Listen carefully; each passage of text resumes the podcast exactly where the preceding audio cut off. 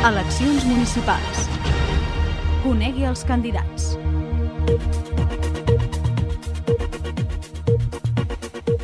Bona tarda, benvinguts al programa Conegui els candidats que ha Ripollet Ràdio emet amb motiu de les eleccions municipals del proper 22 de maig.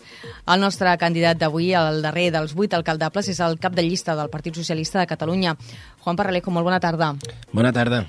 Juan Parralejo té 52 anys, casat i amb tres filles, és llicenciat en Geografia i compta amb un postgrau en Política i Govern per la UPF. Militant socialista des de l'any 1986, va entrar com a regidor de l'Ajuntament de Ripollet l'any 95. Al febrer de 2001 va ser escollit com a alcalde en substitució de Carles Ferrer. Aquesta és la tercera ocasió que encapçala les llistes socialistes en unes municipals. Senyor Parralejo, si vostè torna a l'alcaldia, quina és la primera cosa que farà? Bé, pues, continuar amb la feina que hem estat fent aquests quatre anys, treballar per a aquelles persones que més ho necessiten en aquests moments i treballar per mantenir uns serveis eh, públics de qualitat i un espai públic que pugui acollir totes les persones del poble i que siguin espais de convivència. Quines creuen que són actualment les principals preocupacions o problemes dels ripolletencs?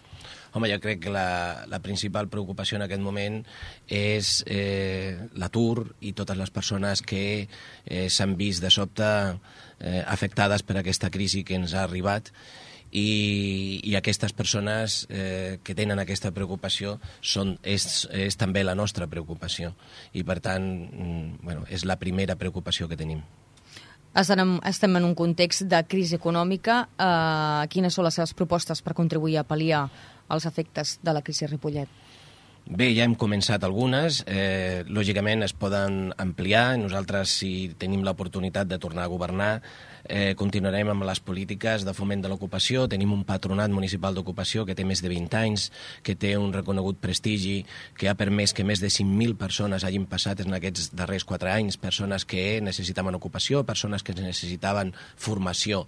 Nosaltres el que farem serà continuar amb aquesta, amb aquesta línia i ampliarem, eh, ampliarem la formació d'aquelles persones que ho necessiten, que necessiten reciclatge, que necessiten canviar de formació per poder accedir a nous treballs treballs, a noves, a noves ocupacions, eh, fomentarem els plans d'ocupació local, aquests plans d'ocupació que ens permet eh, a l'Ajuntament poder contractar persones aturades del poble que ja no cobren prestacions i que, eh, i que són eh, projectes 100% de, eh, municipals continuarem amb aquesta línia, incrementarem aquesta, aquests projectes i, a més a més, per poder-ho fer en millors condicions, ampliarem eh, les dependències del Patronat Municipal d'Ocupació perquè puguem encara eh, abastar més, eh, eh, més persones de les que estem atenent en aquests moments. Ha parlat del foment de l'ocupació i com atrauria noves empreses a la nostra ciutat? Bé, nosaltres ho tenim clar, perquè des de sempre ho hem fet. Per atraure noves empreses, el primer que hem de fer eh, és eh, disposar d'espais perquè les empreses es puguin localitzar. Per tant, es tracta d'incrementar els espais de qualificació industrial que tenim en el municipi i vull recordar que des de l'any 79 han estat molts els espais que s'han requalificat, que estaven destinats a habitatge, que estaven destinats a perquè aquesta ciutat fos una ciutat dormitori, que ens han permès incrementar al parc eh, industrial del poble, polígons com el del Martinet, polígons com el de Santiga, polígons com els de Can Massacs, són polígons que ens han permès atraure empreses mitjanes i petites, que per cert són les empreses que aguanten més la crisi, i per tant nosaltres continuarem en aquesta línia i fomentant eh, que, alt, que empreses de nova creació es puguin instal·lar al poble, que puguin generar llocs de treball i que puguin reactivar l'economia local que ens va molt bé. Vostè considera Ripollet atractiu per atraure indústria i ocupació actualment? Evidentment, evidentment. Ripollet eh, és un poble molt atractiu. Estem molt ben comunicats, estem al costat de dos eh, grans metròpolis, com una és, és Barcelona, a la qual nosaltres pertanyem com a àrea metropolitana, i l'altra és Sabadell, que el tenim al costat, i molts municipis del nostre voltant amb una forta capacitat industrial, amb una forta capacitat d'innovació. Recordem que fa poques setmanes Ripollet eh, ha participat en la creació d'un important eix, que és l'eix de la B30, que són eh, quasi 30 eh, municipis que participen en un projecte no solament per atraure eh, indústria i innovació a nivell estatal, sinó a nivell internacional. Som Som una potència a nivell mundial. Les dades així ho demostren. En comunicació, en educació, cinc universitats en aquest territori. Eh, en empreses d'innovació tenim eh, al costat eh, el, el Parc Tecnològic del Vallès, eh, el sincrotró. Són elements per atraure empreses de qualitat i, a més a més, nosaltres estem en el mig de tota aquesta conurbació i jo crec que ens podem beneficiar. Jo crec que ens podem beneficiar estant al costat de municipis tan importants com Sabadell, com Terrassa, com Sant Cugat, com Mollet, com Granollers. Jo crec que és molt important, Ripollet, no perdre aquest tren i estar en el lloc que ens, eh, ens podem eh, beneficiar eh, d'aquesta situació privilegiada que tenim. Per quin tipus de comerç aposta el Partit Socialista? Bé, això es, es demostra amb els fets, ho hem demostrat sempre. Nosaltres hem apostat per un comerç local, el potenciem, estem al costat dels nostres comerciants, és l'empresa més gran, més important que tenim a Ripollet a nivell econòmic, a nivell de creació d'ocupació, i per això és un valor que volem preservar. I no solament el volem preservar, sinó que el volem millorar. Nosaltres, eh, el comerç eh, de proximitat és un element que ens distingeix d'altres poblacions i, per tant, és veritat que al voltant tenim grans superfícies, però jo crec que el temps ens ha donat la raó i jo crec que el comerç de proximitat és el comerç que la gent vol, el tracte directe, el poder utilitzar aquests comerços també, diguem, per establir relacions personals, per conèixer-nos millor. Jo crec que aquest és un punt eh, eh, molt positiu que té Ripollet i jo crec que l'hem de preservar. Canviant d'àmbit, ara parlem de l'àmbit sanitari. Quines són les actuacions que tenen previstes? Bé, en l'àmbit sanitari, si m'ho permet, m'agradaria eh, parlar del que hem fet, que no és poc. Eh, Ripollet fa uns anys, eh, evidentment, i tothom ho sap, era una ciutat amb dèficits sanitaris a nivell de primària, de l'assistència primària. És l'assistència més important, és l'assistència que el ciutadà de, de, de, rep eh, més sovint és allò on ens adrecem quan tenim el primer problema de salut i per tant és molt important que l'assistència primària sigui de qualitat i, ens, i que ens puguem sentir ben atesos. En aquest mandat, eh, en quatre anys que ara acaba, hem incorporat equipaments importants. El cap de la Farigola, que compartim amb Cerdanyola de Vallès, que dona servei a tot el barri de Cantiana, que permet que hi ha moltes persones, molts veïns i veïnes de Ripollet que eh, no hagin de desplaçar-se per poder anar a, al CAP, a l'ambulatori, hem posat en marxa el CAP dels Pinetons, un nou CAP, en un nou centre, en un nou espai de centralitat que dona servei a la meitat de, de la població i que eh, ha, ha, ha eh, suposat un increment molt notable de les condicions i, i de la qualitat de l'assistència sanitària primària a Ripollet. Però s'han fet més coses. Recordo que també es va posar en marxa el servei de, eh, del centre de rehabilitació. Això ha permet que moltes persones no hagin de desplaçar-se a Cerdanyola, que tenim el nostre centre Ripollet que acull a tots els nostres veïns i veïnes. Ho dic perquè s'han fet moltes coses. El centre de salut mental, que també hem incorporat al costat del, del CAP 2. Però falta un element important, falta l'element més important, que és l'atenció sanitària de segon ordre, que és l'atenció hospitalària, i en això estem. Eh? Nosaltres, en aquests moments, eh, s'haurien d'haver començat les obres de l'Hospital Ernest Lluc, encara no s'han començat, perquè tots eh, eh, sabem que en aquests moments hi ha una decisió per part del govern de la Generalitat d'aturar tots els, els projectes sanitaris i les famoses retallades jo crec que també ens han arribat en aquest àmbit a Ripollet en aquest sentit. Jo, en aquest punt, el que he de dir és que s'ha fet molta feina. Ens hem posat d'acord quatre municipis per localitzar una infraestructura tan potent i tan important com aquesta, que la tindrem al costat de casa.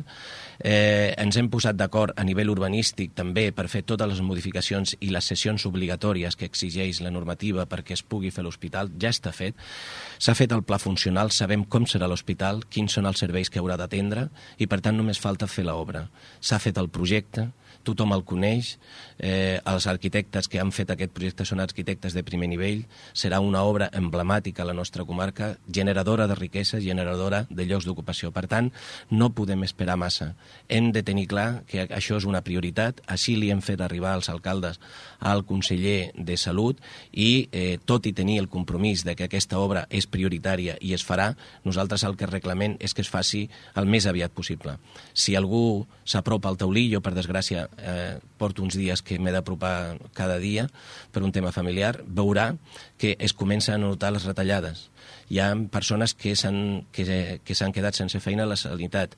Hi ha quiròfans que ja no funcionen, plantes i llits que estan desocupats. Tot això afecta d'una manera important a la llista d'espera, a la nostra qualitat, eh, a la nostra qualitat eh, sanitària. I per això els alcaldes i alcaldables socialistes de la comarca la setmana passada van fer una declaració pública davant del Parc Taulí dient que és imprescindible que l'Hospital Ernest Lluc es faci.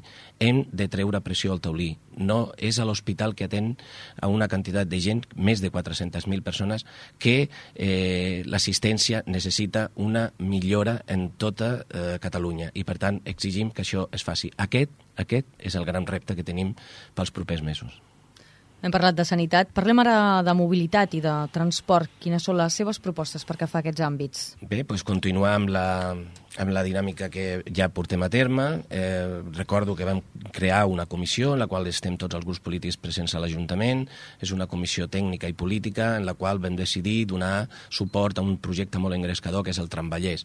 Creiem que aquesta és una aposta interessant que pot solucionar el problema de mobilitat a Ripollet, mm, que ens pot connectar amb cinc estacions tant de, de rodalies com de ferrocarrils, de ferrocarrils de la Generalitat de Catalunya, però a més a més volem eh, que hi hagin eh, novetats. En aquest mandat hem posat en marxa un, un nou servei, que és el que connecta Cantiana amb Arrampinyo, és a dir, és un bus urbà que ens permet la mobilitat interna del nostre municipi amb una despesa molt minsa perquè hem aconseguit que tot això vagi a càrrec de la Direcció General de Transports i ara ens falta la connexió amb els polígons industrials. És imprescindible per, per estalviar viatges en cotxe privat. Tenim molts molts polígons industrials al voltant, alguns d'altres municipis, i és important que aquesta línia, que si no passa res pues, està compromesa i s'ha de posar en marxa eh, el més aviat possible, comenci a funcionar. Però repeteixo que el nostre gran repte és el transport ferroviari. Nosaltres vam proposar a la Generalitat eh, aquest estudi, en aquests moments s'està fent, ja s'està fent a l'estudi eh, d'ordenació, i el que hem de discutir ara, que no serà senzill, és com ho fem, per on ha de passar i quins serveis, a quines persones ha de donar servei. I quan a l'aparcament, què ens pot dir? Bé, l'aparcament jo crec que estem millorant bastant. Eh, hem de partir d'una base important. Si a Ripollet eh, és un poble que té 4 quilòmetres quadrats, tothom sap que estem vivint en un espai reduït, moltes persones. En aquest espai tan reduït tenim 22.000 vehicles a Ripollet. Són molts vehicles i, evidentment, és, és un problema. A tots els pobles és un problema i a Ripollet també ho és.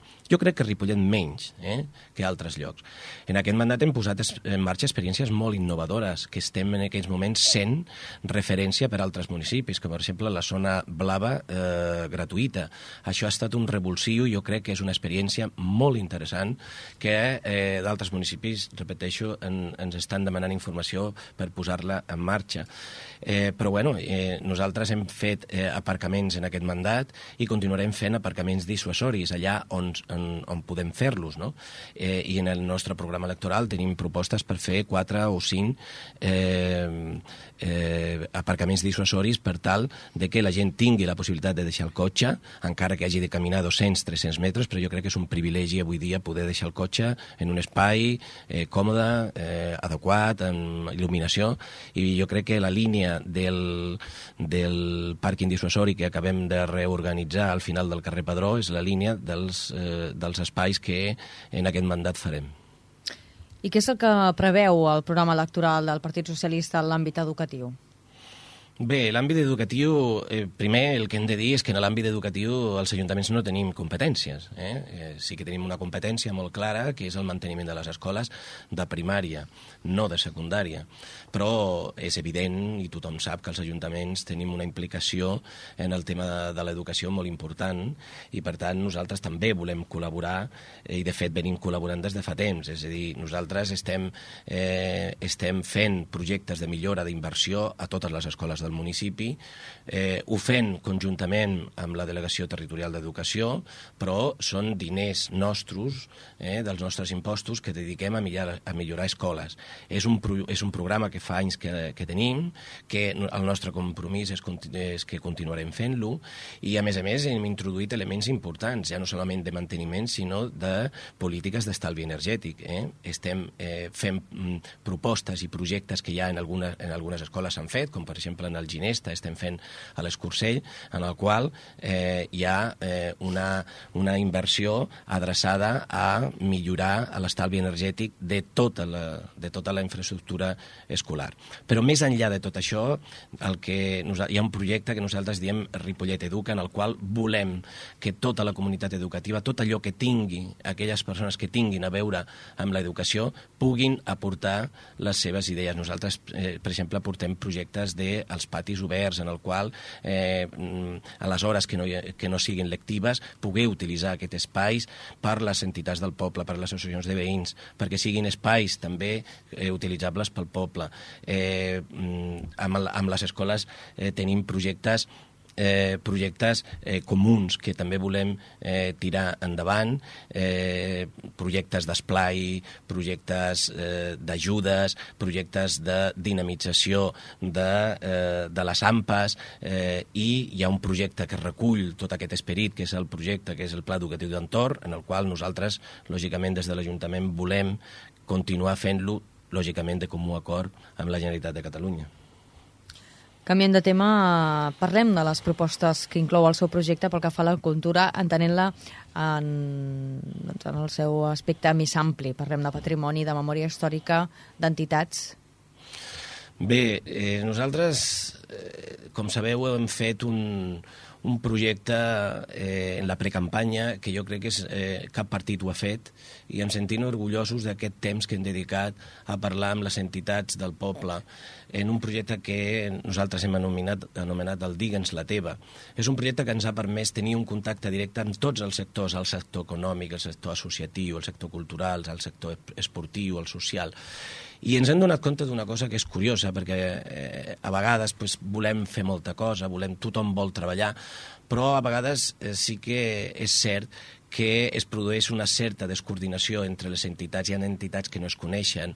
I bueno, ens hem adonat que és molt interessant perquè ens han agraït totes les entitats l'oportunitat de poder fer una xerrada totes conjuntament. Jo crec que aquesta sinergia que pot generar eh, totes, eh, que totes les entitats es coneguin, que es puguin ajudar mútuament, que puguin compartir eh, els seus problemes, que puguin compartir les seves il·lusions.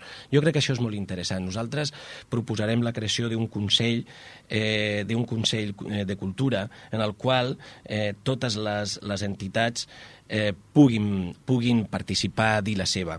Després hi ha altres qüestions. Les entitats, mm, perquè puguin desenvolupar la seva feina, necessiten infraestructura, necessiten millora. Nosaltres som molt receptius perquè considerem que aquest potencial que tenim a Ripollet, d'aquesta societat civil tan viva, eh, que transmet tanta energia, que fa tants actes i tantes actuacions, jo crec que això ho hem d'aprofitar.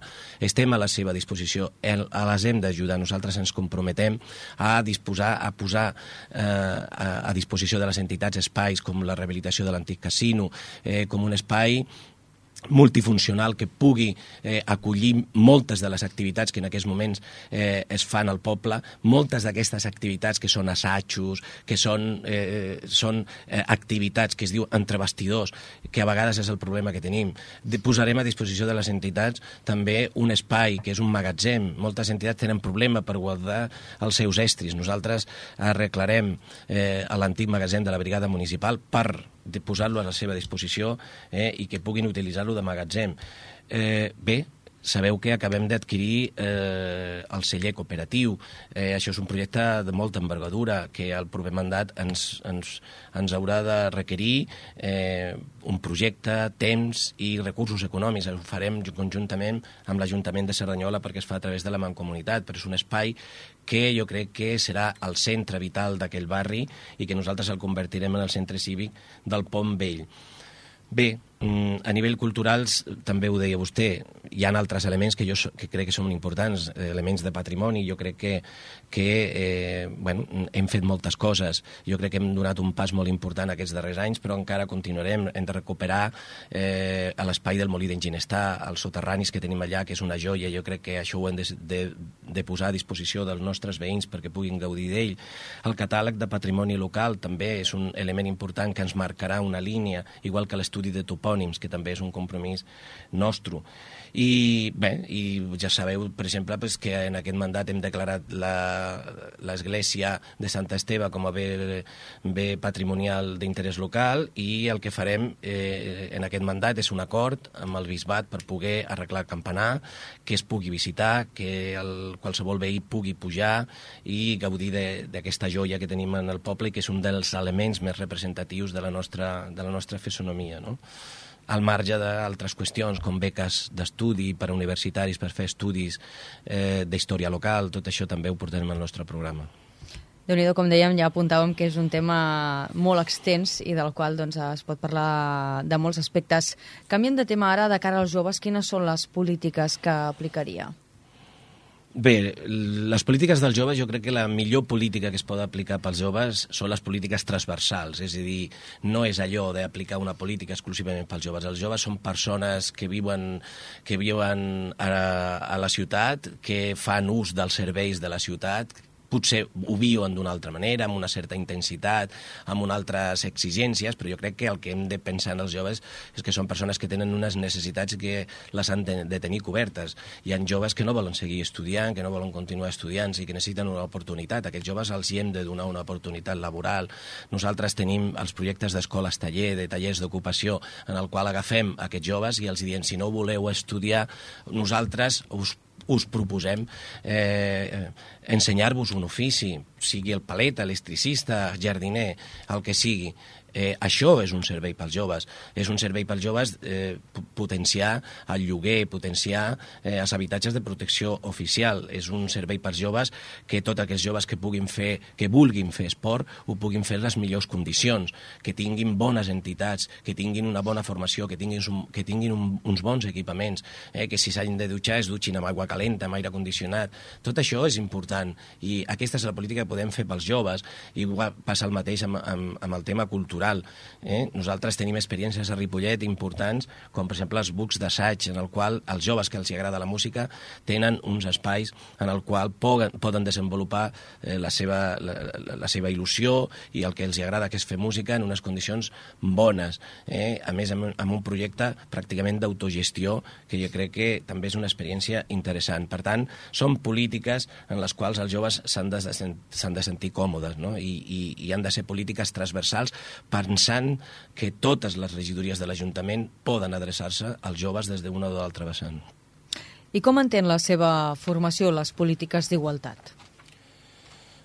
Bé, les polítiques d'igualtat eh, jo crec que eh, el, que el que hem de fer tots plegats és eh, que tot allò que surt de l'Ajuntament, totes les polítiques de l'Ajuntament vagin encaminades a persones que tenen els mateixos drets, que tenen els mateixos deures i que estan en igualtat de condicions de poder eh, fer ús d'aquests serveis en igualtat de condicions. A partir d'aquí, a partir d'aquí es genera el que jo crec que a Ripollet tenim, i podem dir amb orgull, un patrimoni que és espais de convivència. Si nosaltres tenim bons espais públics i tenim bons serveis en els quals tothom té l'accés eh, o pot accedir amb igualtat de drets i amb igualtat d'obligacions, jo crec que al final el que es demostra és que eh, totes aquestes polítiques eh, eviten problemes, totes aquestes polítiques generen espais en el qual la gent se sent orgullosa de viure a Ripollet, com és el nostre cas.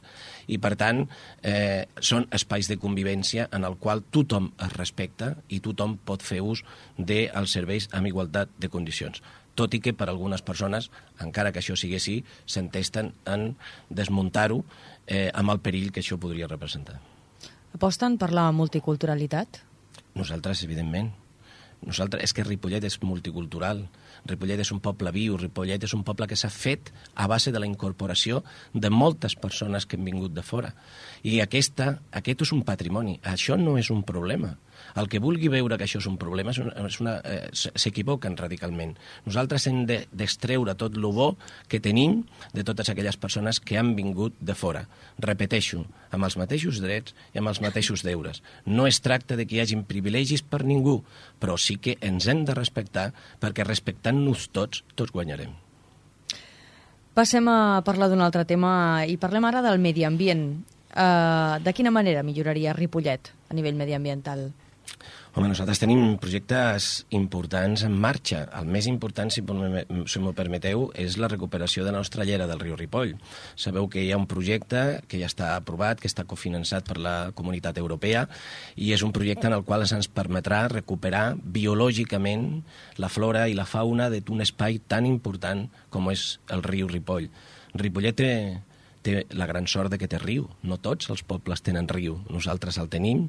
Eh, durant molt de temps hem viscut d'esquenes aquest riu perquè ha estat una claveguera i en aquests moments el riu comença a tenir vida, l'aigua baixa clara, està, eh, és una aigua que ja està depurada i en aquests moments eh, ens toca la última diria jo, eh, l'últim esforç i és recuperar aquest espai. Ho farem, ho farem.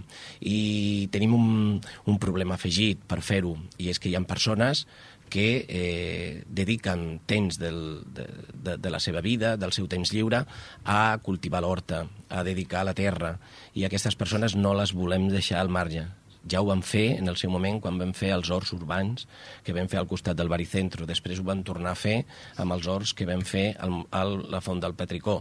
I ara ho tornarem a fer en un espai que dedicarem perquè algunes d'aquestes persones que vulguin continuar eh, treballant la terra perquè els hi agrada, perquè, és, perquè eh, és, és, és com una teràpia que necessiten, nosaltres també els ajudarem i posarem, eh, farem més horts urbans.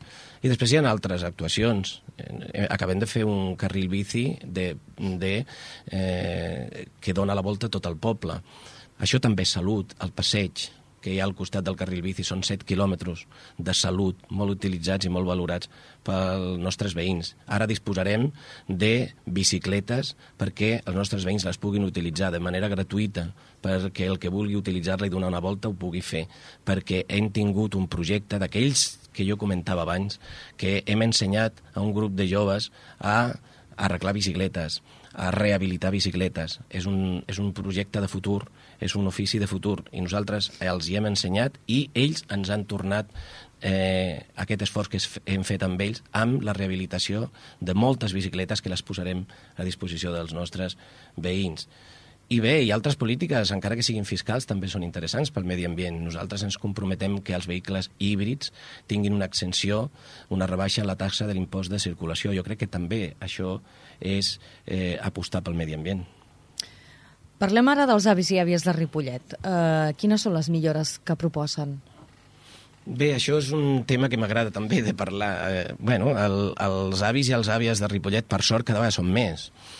Som més perquè som molts, som més perquè l'esperança de vida es va incrementant, som més perquè el nostre nivell de vida ens permet que les persones grans que abans estaven a casa ara exigeixin espais d'encontre i exigeixin projectes eh, perquè, la, perquè la seva vida quotidiana eh, puguin fer altres coses i nosaltres hem estat molt receptius eh, aquesta, aquestes peticions. Acabem d'ampliar el casal d'avis, ja és la segona ampliació que fem. Tant de bo que estiguessin sempre ampliant aquests espais, perquè vol dir que s'utilitzen. Però és que hem posat en marxa projectes molt interessants. Per exemple, l'aula d'extensió universitària. L'aula d'extensió universitària és un projecte que ha de tenir continuïtat, que nosaltres vam portar la iniciativa, però hem tingut l'habilitat de deixar-la en mans de la nostra societat civil, d'ells mateixos, que són els que tiren del carro, i us puc assegurar que és una experiència eh, innovadora increïble. És una experiència que ha tingut una acceptació molt més enllà de la que nosaltres podíem preveure. I, per tant, aquesta és la línia. Hi ha, hi ha persones grans que volen anar al casal d'avis a jugar a cartes, a jugar al billar, pues, a veure la tele o a estar a fer una xerrada amb els, amb els amics, però hi ha altres persones que ja són grans i necessiten pues, pues, que hi hagin espais en el qual pues, puguin utilitzar l'ordinador, com és el cas que estem fent a la Casal d'Avis. Cada vegada hi ha més avis que utilitzen internet, que utilitzen les noves tecnologies. Hem posat en marxa el projecte de Gent Activa. Aquest projecte ens permet fer formació a aquestes persones grans que ens demanden formació, fer excursions culturals per tota Catalunya, en el qual aprofitem no, no, no solament per sortir, sinó també per ensenyar. Són demandes diferents que fa 10 anys eren impensables, però que nosaltres crec que hem tingut l'habilitat d'adaptar-nos a aquestes noves realitats per donar el servei a aquestes persones que ens ho demanden. I, per tant, el que farem serà exactament continuar amb aquesta línia incrementant aquest tipus de serveis. Per acabar repassant diversos àmbits del programa electoral, eh, ens agradaria que ens expliqués què diu el seu programa pel que fa a l'esport local i les seves instal·lacions. Bé, l'esport és, és un dels serveis que fem a Ripollet i en el qual ens hem, ens hem tots de sentir orgullosos. I ens hem de sentir orgullosos perquè hi ha moltes persones d'altres pobles, més rics que nosaltres, del, del voltant, que venen a fer esport a Ripollet. Això vol dir alguna cosa. Això vol dir que des de fa molts anys l'esport és una prioritat en les polítiques locals. Això vol dir que hem tingut la capacitat d'incrementar i mantenir un nivell de serveis espectacular. Quan jo parlo amb altres persones, alcaldes d'altres pobles, i els dic que a Ripollet tenim, tenim set pistes cobertes, els hi costa de creure, però és cert, tenim set pistes cobertes per jugar, per entrenar. Quan ten, els hi dic que tenim cinc piscines, que podem disposar quatre a l'hivern i tres a l'estiu, eh, costa de creure, però és la realitat, és el que tenim. I quan els hi dic el, el nivell el nivell d'esport escolar que es fa a Ripollet, que tenim el 50% d'activitat d'esport extraescolar de tota la comarca, això vol dir alguna cosa. Això vol dir que són diners ben invertits, vol dir que tenim una riquesa important en les nostres entitats esportives i en l'esport que es fa, i per tant el que farem és continuar en aquesta dinàmica.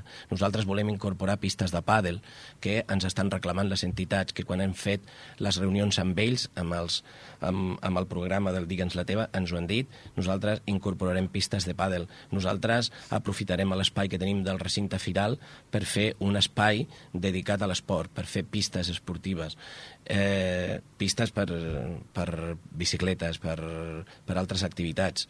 Eh, jo crec que jo crec que, que a l'esport eh, l'hem de continuar cuidant perquè els diners que invertim en l'esport són diners que després ens estalvien en altres, en altres departaments.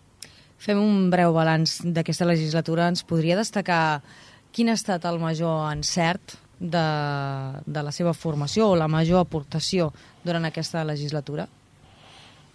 Home, dir alguna cosa concreta se'm fa difícil, perquè hi ha hagut moltes qüestions. Potser jo destacaria una cosa que és més immaterial. Jo crec que la nostra contribució com a partit, com a persones eh, honestes i treballadores amb un equip important, que vam, tingut la, vam tenir la capacitat de fer un pacte de govern en Convergència i Unió que ens ha permet de tenir, de tenir una legislatura, un mandat eh, tranquil, en el qual hem pogut treballar en tota mm, cordialitat, eh, que hem basat eh, la nostra acció de govern en la corresponsabilitat, que hem portat a terme pràcticament tots els projectes que ens havien compromesos, compromès i que això ha provocat que Ripollet estigui tranquil. Ripollet, eh, durant aquests anys, eh, ha estat un poble en el qual, eh, tot i la, els problemes que ja he dit abans que moltes persones tenen, però s'han vist, han vist que les persones que estan al davant en el seu ajuntament són persones que han estat preocupades pels seus problemes, que han estat treballant per solucionar els seus problemes. I a més a més ho han fet des de la modèstia que sempre fem, fent política sense fer soroll, eh, ens hem dedicat a treballar, ens hem dedicat a gestionar, i ho podem dir amb orgull. En aquests moments, Ripollet eh, té les comptes sanejades. Els veïns de Ripollet han de saber que no estan endeutats, que estem al 50% del que la llei ens permet eh, d'endeutar-nos, que els proveïdors volen treballar amb l'Ajuntament de Ripollet perquè paguem. Eh, per tant, això que ho puguem dir en un poble com a Ripollet, que té eh, poca capacitat de recaptar recursos, jo crec que ha estat un esforç important del qual tots plegats ens hem de sentir orgullosos. Potser, potser de destacar això, que això el que ha provocat al final és que la, sigui Ripollet eh, sigui un poble tranquil i amb un alt nivell de convivència entre tots el, els veïns. Podria destacar o reconèixer algun error?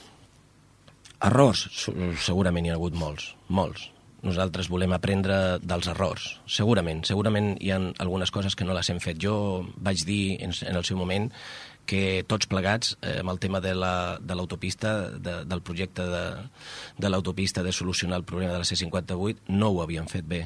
Nosaltres no ho hem fet bé i jo crec que eh, una part important ha estat de, del govern que en el seu moment no va saber mm, prendre decisions eh, quan hi havia diners i quan es podien fer els projectes. Jo crec que hem perdut un temps eh, meravellós i que ara ens costarà recuperar l'esperit que teníem fa un temps.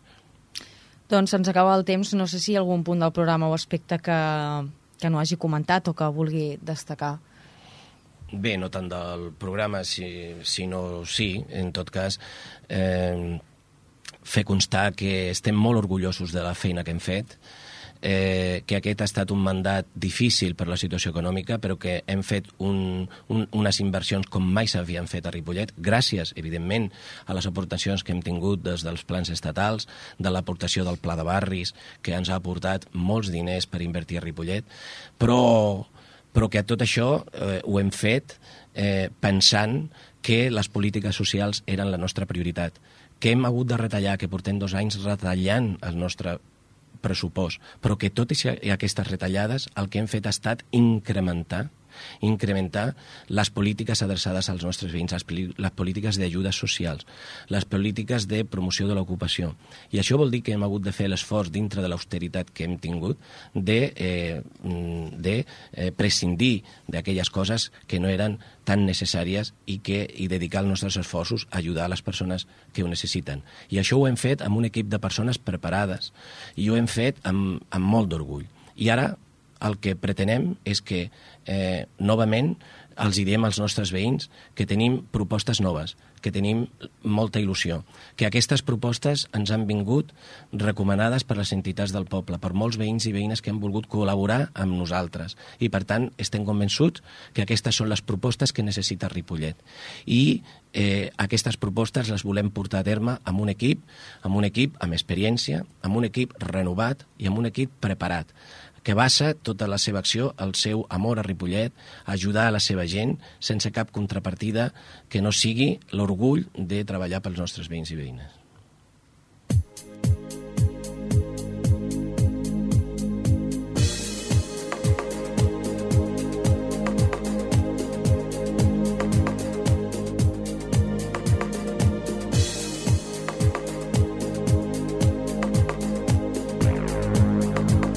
Entrem a la part més personal d'aquesta entrevista. Senyor Juan Parralejo, com va començar en el món de la política?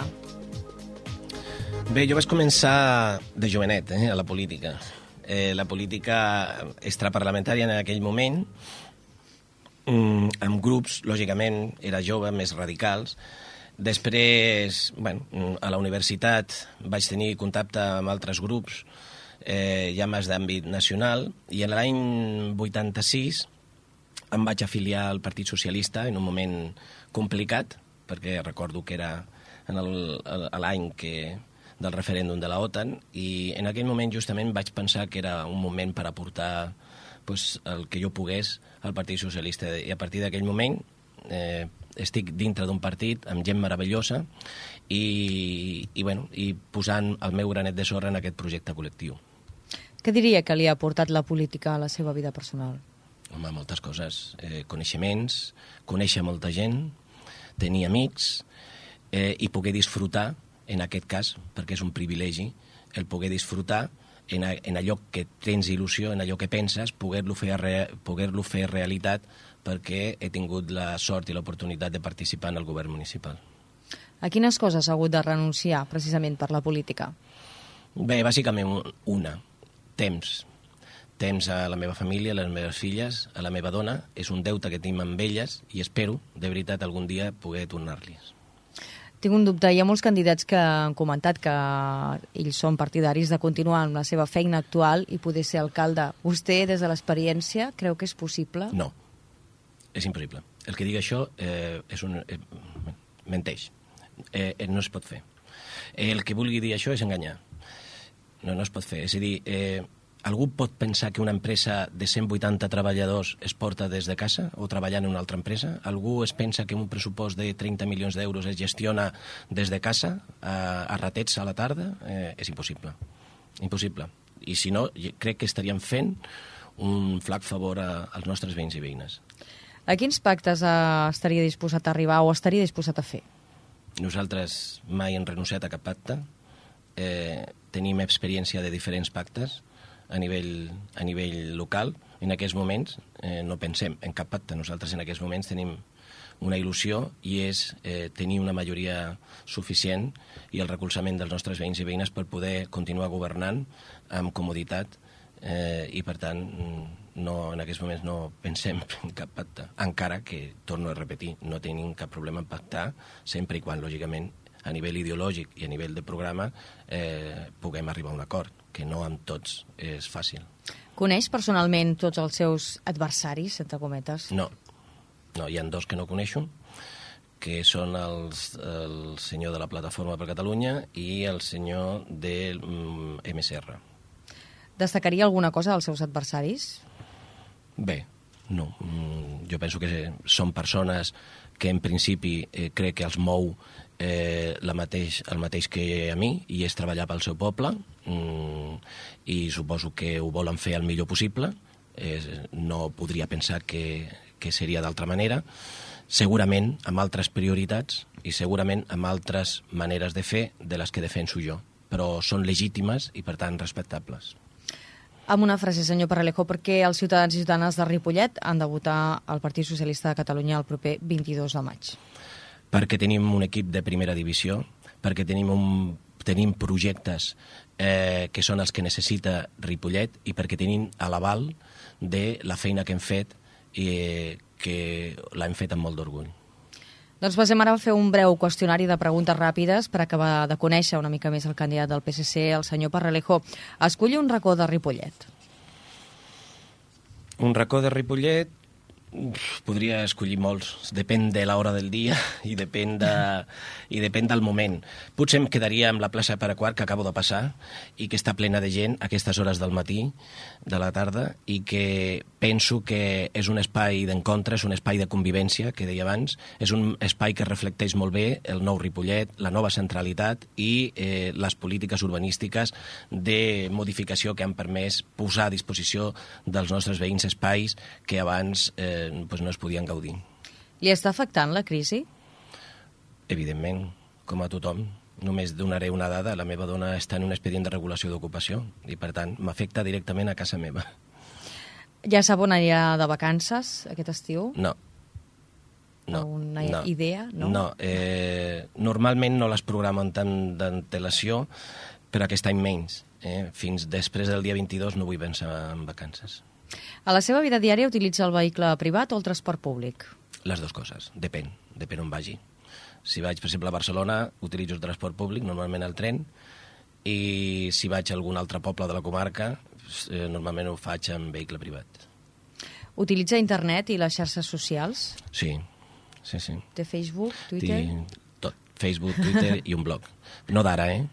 De fa temps. No, ho dic perquè hi ha alguns, alguns que ara que s'arriben a les eleccions comencen a fer aquestes coses i després s'obliden i això, si m'ho permet, m'emprenya una miqueta. Jo crec que si ens hem de comprometre amb les xarxes socials, ens hem de comprometre sempre, amb més o, o menys activitat, però jo puc dir que de, a les, fa quatre anys, quan hi havia eleccions, ja tenia el meu blog i no l'he deixat durant aquests quatre anys, sinó que l'he mantingut viu, sempre utilitzant-lo per, per donar a conèixer el meu poble, i també utilitzar-lo per donar la meva opinió sobre alguns debats socials d'actualitat que em permet això justament, no donar la meva opinió. Jo crec que és un, és un element important i jo animaria a tothom que utilitzi les noves tecnologies i les xarxes socials perquè ben utilitzades són eines molt interessants.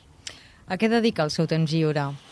Quan el té? Mm, quan el tinc, que el tinc, eh, que el tinc, eh, pues l'utilitzo pues, per passejar, anar en bicicleta, que m'agrada molt, i llegir, i estar amb la família, els amics.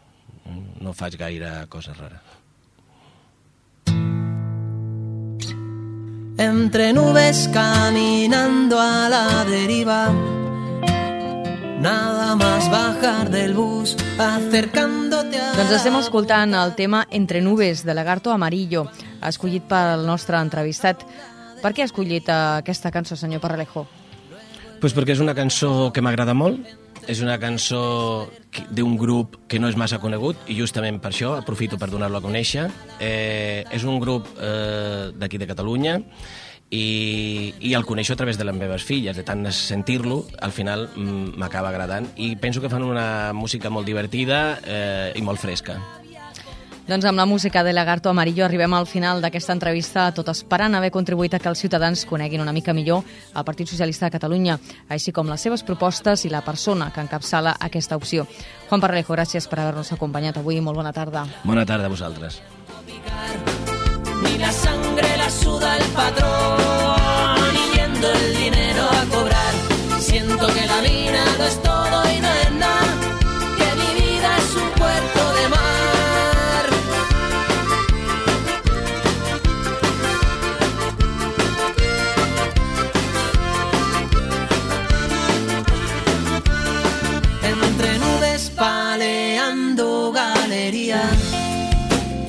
lo veo todo del color de mi alma rota y negra de negro carbón, esperando que venga Dios algún día, si allá arriba hay algún Dios y me lleve en un vagón.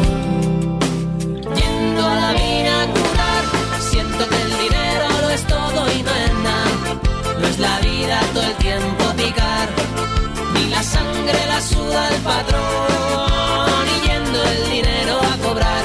Siento que la